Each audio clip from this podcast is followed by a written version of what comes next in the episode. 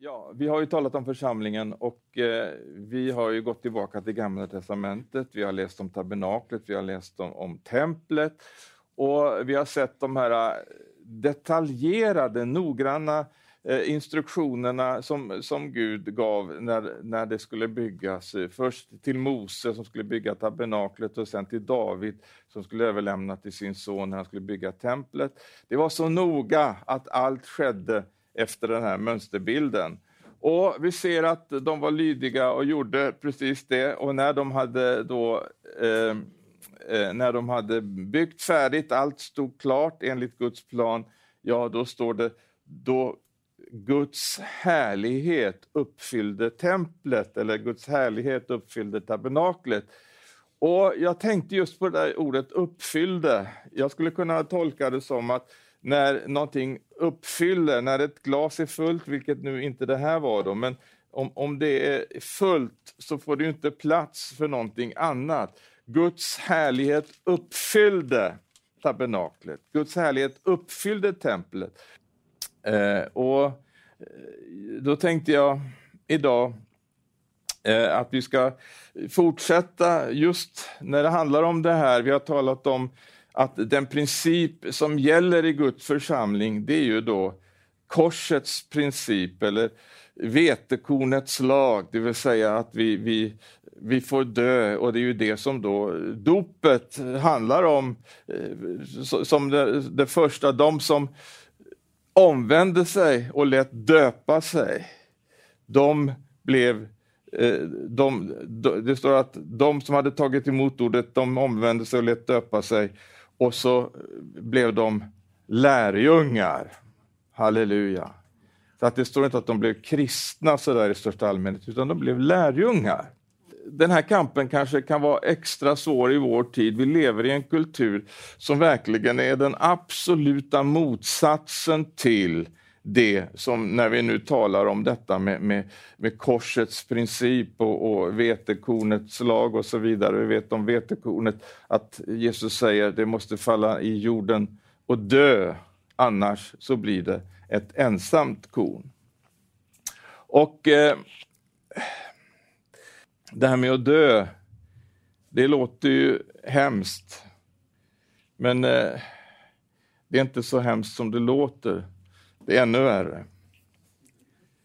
Det är ännu värre, det här med att dö. Och, och det vet vi, vi som har varit med, vi vet att, att det, är, det är en process verkligen. Och det är det här jag tänkte titta på eh, tillsammans med er idag. Förra eh, gången så, så eh, talade vi om Paulus och liksom hans vandring och hur detta med korsets princip fick verka i hans liv. Men idag tänkte jag att vi ska titta på Petrus, hur det gick för honom. Då ska vi gå till några bibelord här. Eh, vi, kan, vi kan läsa i Matteus 16 och 21. Eh, då står det så här att från den tiden började Jesus förklara för sina lärjungar att han måste gå till Jerusalem och lida mycket genom de äldste och översteprästerna och de skriftlärda och att han måste bli dödad på tredje dagen, uppväckt. Då tog Petrus honom mot sidan och började tillrättavisa honom. Gud bevare dig, Herre, det där ska aldrig, aldrig hända dig. Men Jesus vände sig om och sa till Petrus, gå bort från mig Satan. Oj. Du vill få mig på fall. För dina tankar är inte Guds utan människors. Alltså, det här kapitlet, det sextonde kapitlet i Matteus, är ju ett enormt kapitel. Och, och vilka enorma liksom, svängningar det blir. va? I början så ser vi Jesus fråga lärjungarna, vem säger eh, folket att jag är? Och så småningom, så, och vem säger ni att jag är? Då är ju Petrus den som träder fram och säger, jo du är Messias, den levande Gudens son. Och han får höra hur Jesus säger eh, detta, du är Petrus och, och, och han, Jesus talar om att han ska bygga sin församling, på denna klippa ska jag bygga min församling och helvetets portar ska inte bli den övermäktig. Alltså Petrus hade ju här uppenbart en, en uppenbarelse om vem Jesus var, som många andra saknade. Han till och med framträdde i själva lärjungaskaran där som den som fick uttala det här. Men så, så kan Jesus helt plötsligt vända sig till honom och säga, gå bort från mig Satan. Vad är det som händer här? Vad är det som gör att det kan slå så här? Vad, vad är det som händer? Du vill få mig på fall, för dina tankar är inte Guds utan människors. Alltså här ser vi Guds tankar, människors tankar. Och människors tankar, djävulen.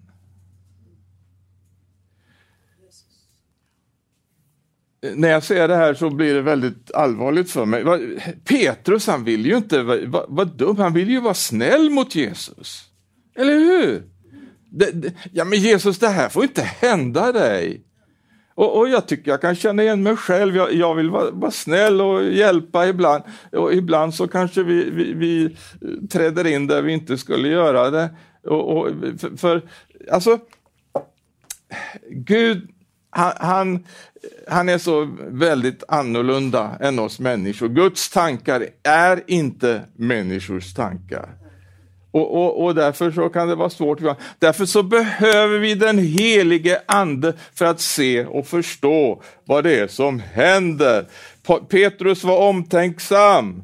Och, och, och han, han, ville verkligen inte att någonting ont skulle ske med Jesus. Men det var precis som att i den här situationen så fann Satan en, en öppen dörr och, och, och, liksom utnyttjade den här situationen. Men korsets princip är den princip efter vilken Herren verkar i våra liv. Och vi får gång på gång liksom hamna i de här situationerna som, som lärjungarna hamnade i det, det handlar om detta att vi liksom får dö bort från någonting. Och vi vill så gärna vara med och hjälpa Gud, liksom, så att han eh, verkligen får, får, får, vara den vi anser att han ska vara. Att hans, eh, eh, ja, det här med korset är svårt för oss. För att visst var Gud svag och, och, och, och så vid Golgata, men, men nu men principen har inte förändrats, utan det är den principen som gäller för oss i, den här, i vårt förhållande till den här världen. Så att eh, Gud bygger inte sitt verk på toppen av något mänskligt verk. Utan, och det är därför vi uppehåller oss omkring just den här principen eh, så här många gånger nu, för att vi verkligen ska få se att eh, grunden, det, det, det handlar om att röja undan för att ge utrymme så att Herrens härlighet ska uppfylla, uppfylla, uppfylla templet, ska uppfylla församlingen. För det är det vi vill se. Vi vill se Herrens härlighet. Vi vill eh, vara ännu mer i hans eh, gemenskap och, och, och ännu mer utav hans kraft ska få verka ibland oss. Halleluja! Men eh, Jesus han, han eh, fortsätter där i det här 16 kapitlet där han då har talat med Petrus. Och så, så talar han till Petrus och till lärjungarna i den 24 versen. Han säger till dem, om någon vill följa mig så ska han förneka sig själv och ta sitt kors och följa mig. Den som vill rädda sitt liv ska mista det, men den som mister sitt liv för min skull ska vinna det. För vad hjälper det en människa om hon vinner hela världen men förlorar sin själ? Vad kan en människa ge till lösen för sin själ? Så att eh, principen att förlora för att vinna. Och då, då börjar vi förstå, när vi ser det här, då, då kanske man också kan förstå att som det står i första Korinthierbrevet 1 och 18, att ordet om korset är en dårskap för, för kulturen, för människor som tänker på ett helt annat sätt när det handlar om självförverkligande och liksom att lyfta fram människan och fylla hennes fulla potential och hon ska bli sitt, sitt eh, verkliga jag och ja, ni vet alltsammans det här som även kommer in i kyrkorna när, när, när pastorerna ska bli coacher som ska hjälpa alla att uppfylla sina drömmars mål istället för att predika korset. Men i första Korinthierbrevet 1 och 18 så står det så här, om ordet om korset är en dårskap för de som går förlorade. Men för oss som blir frälsta är det en Guds kraft. Och, och det är ju det vi vill komma fram till. Det, det är ju liksom eh, först den här negativa sidan, att dö. Men när vi dör bort, halleluja, vi vet ju, Jesus han dog och så uppstod han igen. Och det är ju den här uppståndelsekraften, det är ju det det handlar om. Det är en Guds kraft när världen inte genom sin visdom lärde känna Gud i hans vishet beslöt Gud att genom den dårskap vi förkunnar frälsa de som tror. Och så vers 23. Vi predikar Kristus som Guds kraft och Guds vishet. Guds dårskap är visare än människor och Guds svaghet är starkare än människor. Vers 30. Tack vare honom är ni i Kristus Jesus. För om för oss har han blivit vishet från Gud, rättfärdighet, helgelse och återlösning för att det ska bli som det står skrivet, den som berömmer sig ska berömma sig av Herren. Och det, det, Paulus han säger också vid ett annat tillfälle eh, att eh, under gråt säger han att det finns många som vandrar som fiender till Kristi kors. Alltså, det finns där latent hos oss, hos mig, hos dig, hos oss alla, just detta att vi vill egentligen inte ha korset. Vi vill ha härligheten, men vi vill inte ha korset. Och, och det finns så mycket, jag, jag, jag har läst en bok här i veckan som har rekommenderats av Joel Halldorf. Och jag ser liksom de här principerna, eh, liksom hur man Alltså det är, en, det är en sån hädelse, det är en sån förnekelse. Eh, att, eh, han skriver så här, en av de mest kontraproduktiva saker som kristna har, har gjort är att presentera Gud Fadern som en tyrann, en sadist, våldsbenägen pappa. Ett tydligt exempel på detta är den nu dominerande förklaringen till varför Jesus var tvungen att dö och hur den händelsen är relaterad till vår frälsning det gör Gud, Fadern, avlägsen och kall. Detta att Jesus stod för våra synder och teorin att han blev ett offer och, och så vidare. Att, att detta liksom är någonting som, som gör Gud till, till någon kall och, och, och, avlägsen fader. Alltså det här är läror som kommer nu och vi måste stå emot det här. Därför att det kommer genom kända eh, teologer och det förs fram så, så, som ett slags eh, evangelium genom den här katolska mysticismen som har fått en sån ingång på så många ställen. Att människan är i sig själv god, hon behöver ingen frälsare och därför så, så, så vill man totalt bortförklara detta med, med, med korset, Golgata, blodet. Men vi vill ha det gamla evangeliet. Vi vill ha Jesus, vi vill ha Golgata, vi vill ha Lammets blod. Vi, vill ha, vi, vi, vi vet att det, det är enda räddningen för oss. Eh, för det står så klart och tydligt att Jesus han har framburit sig själv som ett felfritt offer åt Gud. Det står i Bibeln. Och, och, och det, det, kan de inte komma ifrån. Och, och Jesus säger själv inför Golgata att det är för denna stund jag har kommit. Men vi vet att den själiska människan, den oandliga människan, hon tar inte emot det som hör Guds ande till.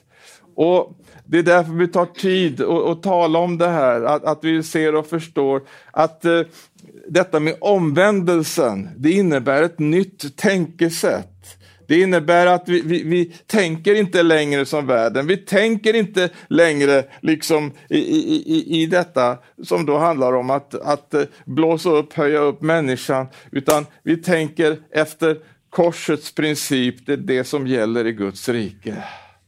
Halleluja, vetekornets lag. Vi får dö, falla jorden och dö, för att sedan det står att om, om vetekornet dör så bär det mycket frukt. Halleluja, och det vill vi göra. Vi vill bära mycket frukt. Halleluja. Eh, men Petrus då, han eh, Ja, stackars Petrus. Eh, men alltså jag tycker det är så härligt med Bibeln, för den tar liksom inte bara upp allt det där positiva och, och fina som sker med alla människor, utan den visar när de verkligen liksom eh, gör bort sig också. Och därför att vi kan spegla oss i det och se, eh, precis som Petrus på det här sättet, liksom Eh, Eh, på det ena, den ena gången efter den andra. Vi kan känna igen oss själva i det. Ja, vi behöver inte peka finger på honom utan vi kan peka på oss själva. Ja, så där skulle jag nog också ha gjort. Faktiskt. När Jesus talar om eh, liksom någonting som, som Petrus känner, ja men nej det här är alldeles för grymt, det här, det här är ju fruktansvärt. Ja, vi skulle säkert varit där och försökt hjälpa till. Men i alla fall, eh, om vi går framåt i Matteus i, i det 26 kapitlet, så, så har ändå Petrus förstått att nu börjar det dra ihop sig här. Nu börjar det här som Jesus talade om, det, det, ser verkligen ut att gå i den riktningen. Va? För nu har det blivit väldigt trångt här och det är väldigt få som ställer upp på Jesus längre. Och, och, och Jesus säger att, eh, eh att det börjar närma sig detta som, som, som han talar om. Och då är Petrus där igen. Va? I Matteus 26 och 33 så står det, Petrus svarar honom, även om alla andra överger dig så, så ska jag aldrig överge dig. Nu är det liksom den här eh, volontären, idealisten Petrus, han som eh, liksom, ja, han vill stå upp för, för, för det som är, är rätt. Va? Och, och, Jesus, du har betytt så mycket för det här, här har du en som ställer upp för dig. Va? Även om alla andra överger dig så ska jag aldrig överge dig. Jesus sa till honom, jag säger dig sanningen, i natt innan tuppen gal kommer du att förneka mig tre gånger. Petrus svarade honom, även om jag måste dö med dig så ska jag aldrig förneka dig. Nu, nu, har han förstått det där att man kanske behöver dö då. Men även om jag får dö, ska jag aldrig förneka dig. Samma sak sa alla de andra lärjungarna. Ja, alltså, och, och här fortfarande, det, det är Petrus. Va? Han är ivrig, han, han vill liksom göra rätt. Och det, det, går bara en liten stund lärjungarna följer med Jesus in i Getsemane. Jesus är där och ber. Och, och, och han går bort ett stycke längre bort. Och, och, och, lärjungarna stannar där och så kommer han tillbaka till lärjungarna och så ser han att de sover. Och, och, och så säger han till Petrus, det står just Petrus här, så ni kunde inte vaka en enda timme med mig. Hur var det med det där du lovade? Den 40 versen i Matteus 26. Vaka och be så att ni inte kommer i frestelse. Anden är villig, men köttet är svagt. Och så vet vi längre fram när vi kommer till den 69 versen att det står att Petrus han satt ute på gården och en tjänstekvinna kom fram till honom och sa, du var också med Jesus från Nasaret, men han nekade inför alla och sa, jag vet inte vad du pratar om. Han gick ut i porten och en annan tjänsteflicka såg honom och, och sa till dem som var där, han var där med Jesus från Nasaret. Han nekade igen och svor på det till och med. Usch. Jag känner inte den mannen. Strax därefter kom de som stod där framme till Petrus och sa, visst är du också en av dem? Din dialekt avslöjar dig. Då började han förbanna och svära jag känner inte den mannen. och strax skoltuppen. Då kom Petrus ihåg de ord som Jesus hade sagt. Innan tuppen gal ska du förneka mig tre gånger. Då gick han ut och grät bittert.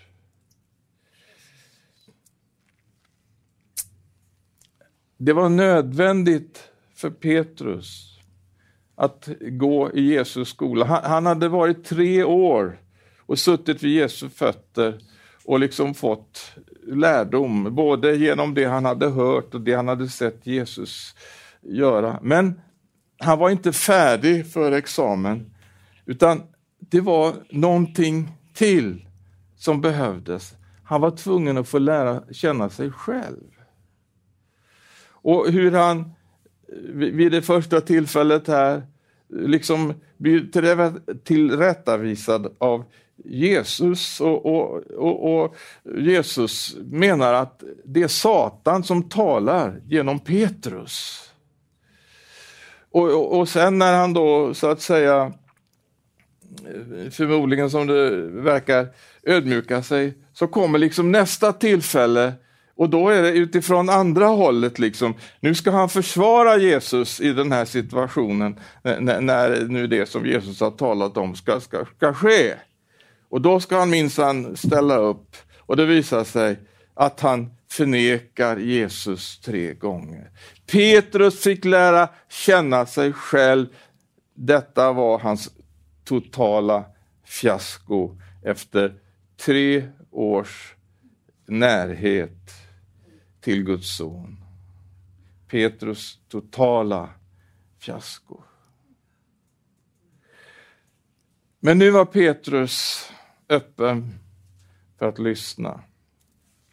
Och när Jesus sedan blivit korsfäst och uppstått igen så kommer någon av lärjungarna och möter honom och vad gör Jesus? Han säger hälsa särskilt till Petrus.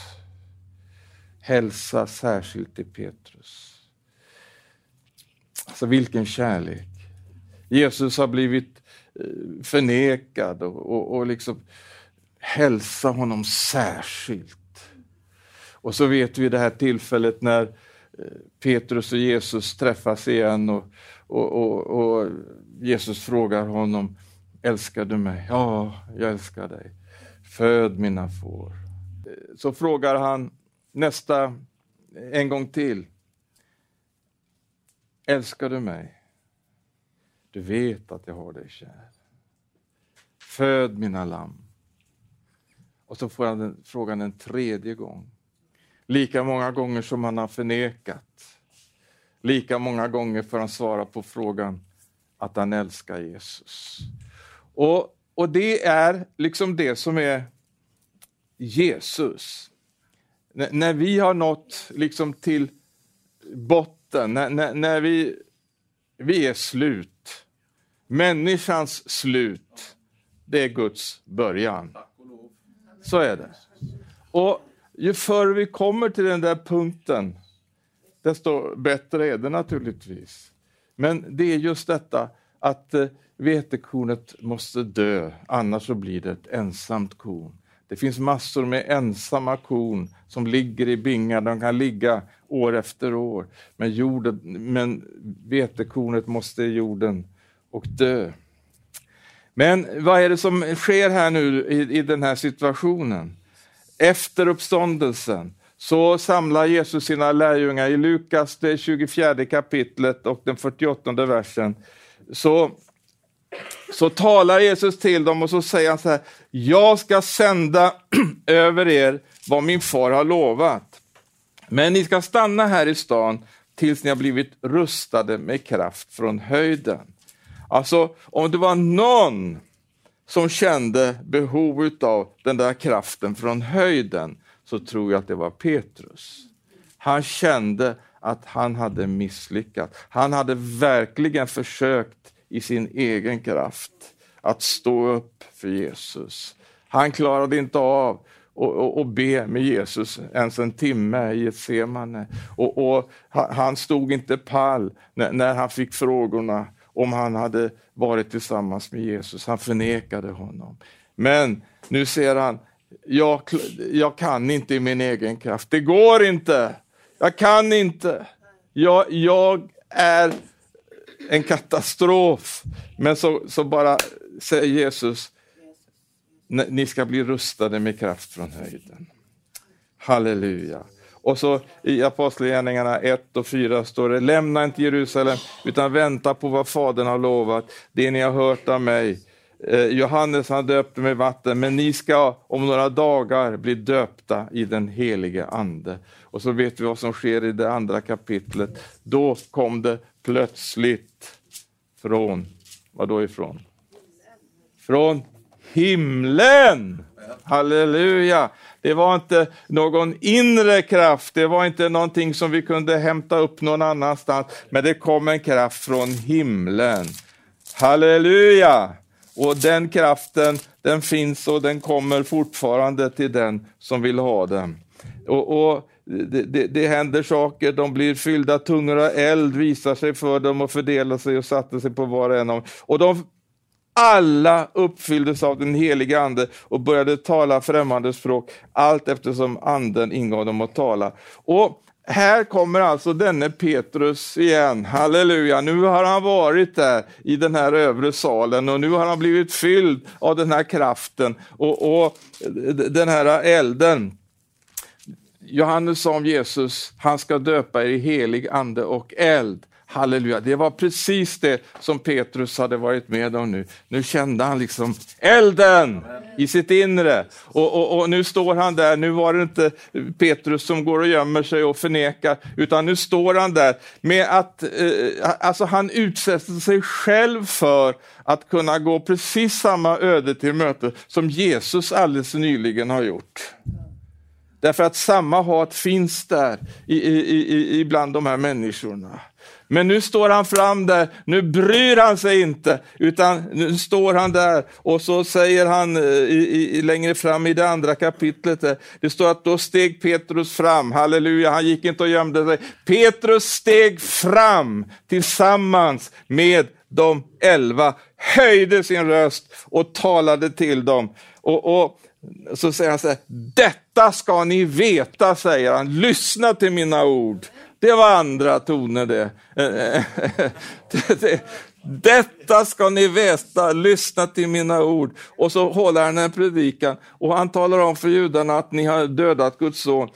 Alltså, den predikan som han håller här, den vore ju nog för att han skulle få gå samma öde till möte som Jesus. Men just denna eh, fokusering på Jesus. Han säger i, i den 22 versen, Israeler, hör dessa ord. Jesus från Nasaret var en man som blev erkänd av Gud inför er genom kraftgärningar, under och tecken. Genom honom gjorde Gud detta mitt ibland er, som ni själva vet.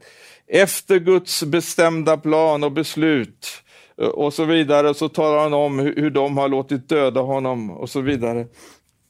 Men så säger han så här i den eh, 33 versen. Han har blivit upphöjd till Guds högra sida och fått den utlovade helige Ande. Alltså ser ni sammanhanget där? När Jesus hade blivit upphöjd till Faderns högra sida, då sänder han den utlovade helige Ande. Halleluja och fått den utlovade helige Ande och Fader som han har, utgjut, han har utgjutit det som ni ser och hör. Halleluja. Så att, eh, att Jesus blir förhärligad, att han blir förhärligad, det innebär att den helige Ande kommer över oss. Halleluja. 36 versen. Därför ska hela Israels folk veta säkert att denne Jesus som ni korsfäste, honom har Gud gjort både till Herre och till Messias. Och när de hörde det här så högg det till i hjärtat på dem. De frågade Petrus eh, och de andra apostlarna, bröder, vad ska vi göra? Halleluja. Underbart när det kommer till den situationen när man ställer de rätta frågorna. Vad ska vi göra? Och han svarar dem, omvänd er och låt alla döpas i Jesu Kristi namn så att era synder blir förlåtna. Då ska ni få den heliga Ande som gåva. Löftet gäller er, era barn och alla de som är långt borta, alla som Herren vår Gud kallar. Och han fortsatte och så säger han att låt er frälsas från det här bortvända släktet. Omvändelse, det innebär 180 grader. Om vi har gått vår egen väg så vänder vi åt andra hållet. Nu går vi Guds väg. Nu har vi lämnat de tankar och de modeller som liksom finns där. Nu följer vi Jesus. Nu är vi Jesu efterföljare, nu är vi hans lärjungar. Nu följer vi en helt annan princip med våra liv. Nu följer vi inte världens princip längre, utan nu följer vi Jesus. Korsets princip, vetekornets lag. Nu är vi lärjungar och det är det som det står om här också, att de som tog emot hans ord döptes och antalet lärjungar ökade den dagen med omkring 3000 personer. Men just detta, när jag läser den predikan som Petrus håller, så ser vi hur han hela tiden talar om i Jesu Kristi Nazarens namn. Och, och, och, Han talar liksom, det är liksom den delegerade auktoritet som han nu har fått del av när han har gett upp sig själv. Och så, så, så, och så har han fått liksom eh, uppståndelsekraften, han har fått Jesu Kristi uppståndelsekraft. Och så kan han i Jesu namn, halleluja, det är som någon världens rikaste man skulle liksom eh, ge dig sitt checkhäfte och, och, och, ge dig full frihet att, att liksom skriva ut eh, från, från hans obegränsade konto. Ha, vår, far, vår far är rik, halleluja. Han, han, han, är så rik och, och, han har så mycket, han har välsignat oss med all den himmelska världens andliga välsignelse och han vill oss gott. Han är en god Gud som vill ge oss eh, liv, hälsa, han vill befria, han vill hjälpa oss när, vi är i trångmål på både det ena och andra sättet. Det är detta som liksom förlöses när vi ger upp oss själva och, och allt det som vi liksom har, har funderat ut och överlämnar åt honom och säger Jesus, ske din vilja, inte min vad ingen människas hjärta har kunnat tänka, vad inte ett öga har sett, inte ett öra har hört. Det Gud har berett åt dem som älskar honom. Så det är alltid mycket, mycket bättre det Gud har. Alltid mycket bättre, även om vi i vår föreställningsvärld så är, är, är, eh, är det liksom bättre det vi själva, liksom det, det vi kan kontrollera, det vi själva kunnat tänka ut. Men Gud är så stor. Och Det var just detta som Petrus fick uppleva. När man sen går vidare i kapitlen här så ser vi ju det att eh, han verkar ju i den här kraften. Visst, det står ju redan där eh, i, i det tredje kapitlet eh, att eh, det sitter en man där vid, vid sköna porten och, och tigger om pengar. Men Petrus säger, silver och guld har jag inte, men vad jag har det ger jag dig. Vad jag har, haha, jag har fått någonting. Det jag har, det ger jag dig. I Jesu Kristi Nazarens namn, res dig och gå. Och han grep honom i högra handen, reste honom upp och genast fick mannen styrka i fötter och visste. Han hoppade upp och stod upprätt. Sedan började han att gå och följa med dem in i templet och där han gick runt och hoppade och prisade Gud. Och alla visste vem den här mannen var som har suttit där år efter år efter år och tiggt pengar av dem. Och så helt plötsligt ser han ute och hoppar och dansar tillsammans med Jesus. Halleluja. Vad var det här för någonting? Ja, det var inte den gamle Petrus som, som, som liksom försökte i sin egen kraft och misslyckades, utan Petrus hade dött bort. Och nu var det Kristus i Petrus som verkade och då kunde han säga i Jesu Kristi Nazarens namn, res dig. Halleluja.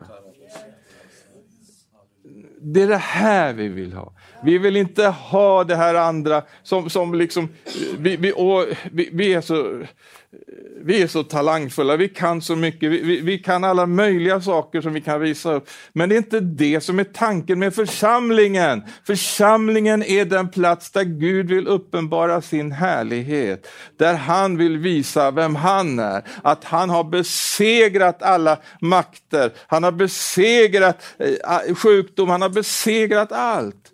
Och, och, eh, Frågorna kommer och i 16 versen i tredje kapitlet står det Eh, att han får förklara, det är genom tron på hans namn. Så har det här namnet gett styrka åt denne man som ni ser, så, så, som ni ser och känner. Tron som kommer genom det namnet har gett honom full hälsa som ni alla ser.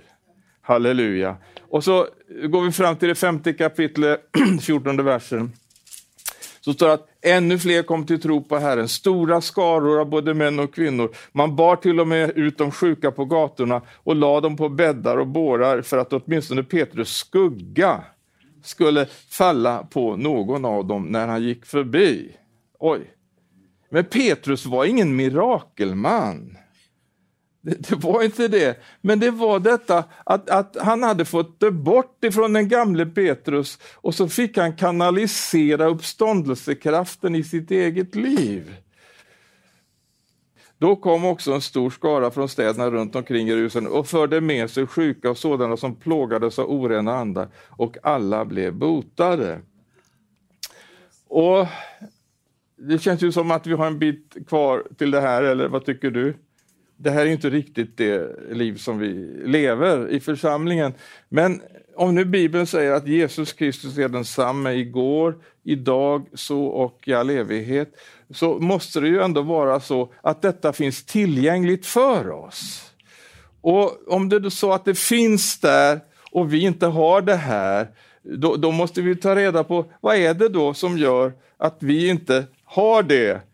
Och då är det just det som jag har förstått eh, och, och, som den heliga Ande liksom har pekat på. Det är just detta att vi, det handlar om att Herrens härlighet måste uppfylla templet. templet.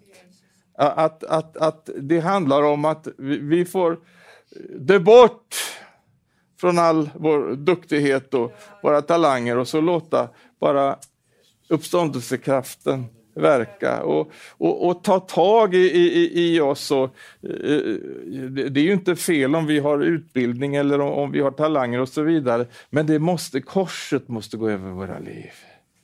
Det är det det handlar om. För att, för att eh, Herrens härlighet ska få förlösas, för att uppståndelsekraften ska få komma. Död och uppståndelse. Och Petrus han skriver, skriver några decennier senare sina brev, vi vet vi har dem längre bak i Bibeln, första och andra Petrus brev. Eh, han skriver i sitt första brev, fjärde kapitlet så här, i den elfte versen. Om någon talar så ska han tala i enlighet med Guds ord. Om någon tjänar så ska han tjäna med den kraft som Gud ger så att Gud i allt blir ärad genom Jesus Kristus. Hans är äran och makten i evigheternas evigheter. Amen. Så vad är energikällan? Vad är det som liksom, eh, vad är det för kraft som driver oss? Är det vår mänskliga kraft. Det är det, vi ska minsann göra så gott vi kan och vi ska som Petrus, vi ställer upp Jesus, det vet du. Vi, vi, vi, vi, vi, vi ställer upp för dig, vi försvarar dig. Eller är det att eh, vi har fått dö bort ifrån all vår egen duktighet för att Herren ska få verka genom oss, att vi frimodigt kan stå fram som vi ser Petrus fick göra på pingstdagen. Halleluja! Herren vill använda oss. Han vill använda oss allesammans. Han vill göra någonting nytt. Det gamla är förgånget. Någonting nytt har kommit. Herren vill verka. Och vi går in i en ny tid. Vi går in i någonting som Herren bereder. Och, och jag upplevt det så starkt, det är därför det liksom har kommit så mycket just det här, för att ge utrymme. Det, det, det som Jeremia, han fick röja undan, riva ner. Det var en massa saker som måste bort för att bereda plats, för att sedan bygga. Halleluja, vi ska bygga Guds, Guds församling. Vi ska bygga Guds församling och vi ska bygga enligt mönsterbilden. Och Herren ska hjälpa oss bit för bit, bit för bit, bit för bit. Vi har inte fulla uppenbarelsen, men Herren öppnar upp mer och mer och mer och visar, det är det här jag ska göra. Det är det här jag ska göra genom församlingen. Det är det här jag vill göra i Sverige. Jag vill uppenbara eh, mitt namn i det här landet, säger han. Jag vill eh, upprätta min kränkta ära. Han vill komma igen. När det mänskliga liksom får flyttas undan så får Herren träda fram i all sin härlighet och makt. Det vill vi. Amen. Tack Jesus.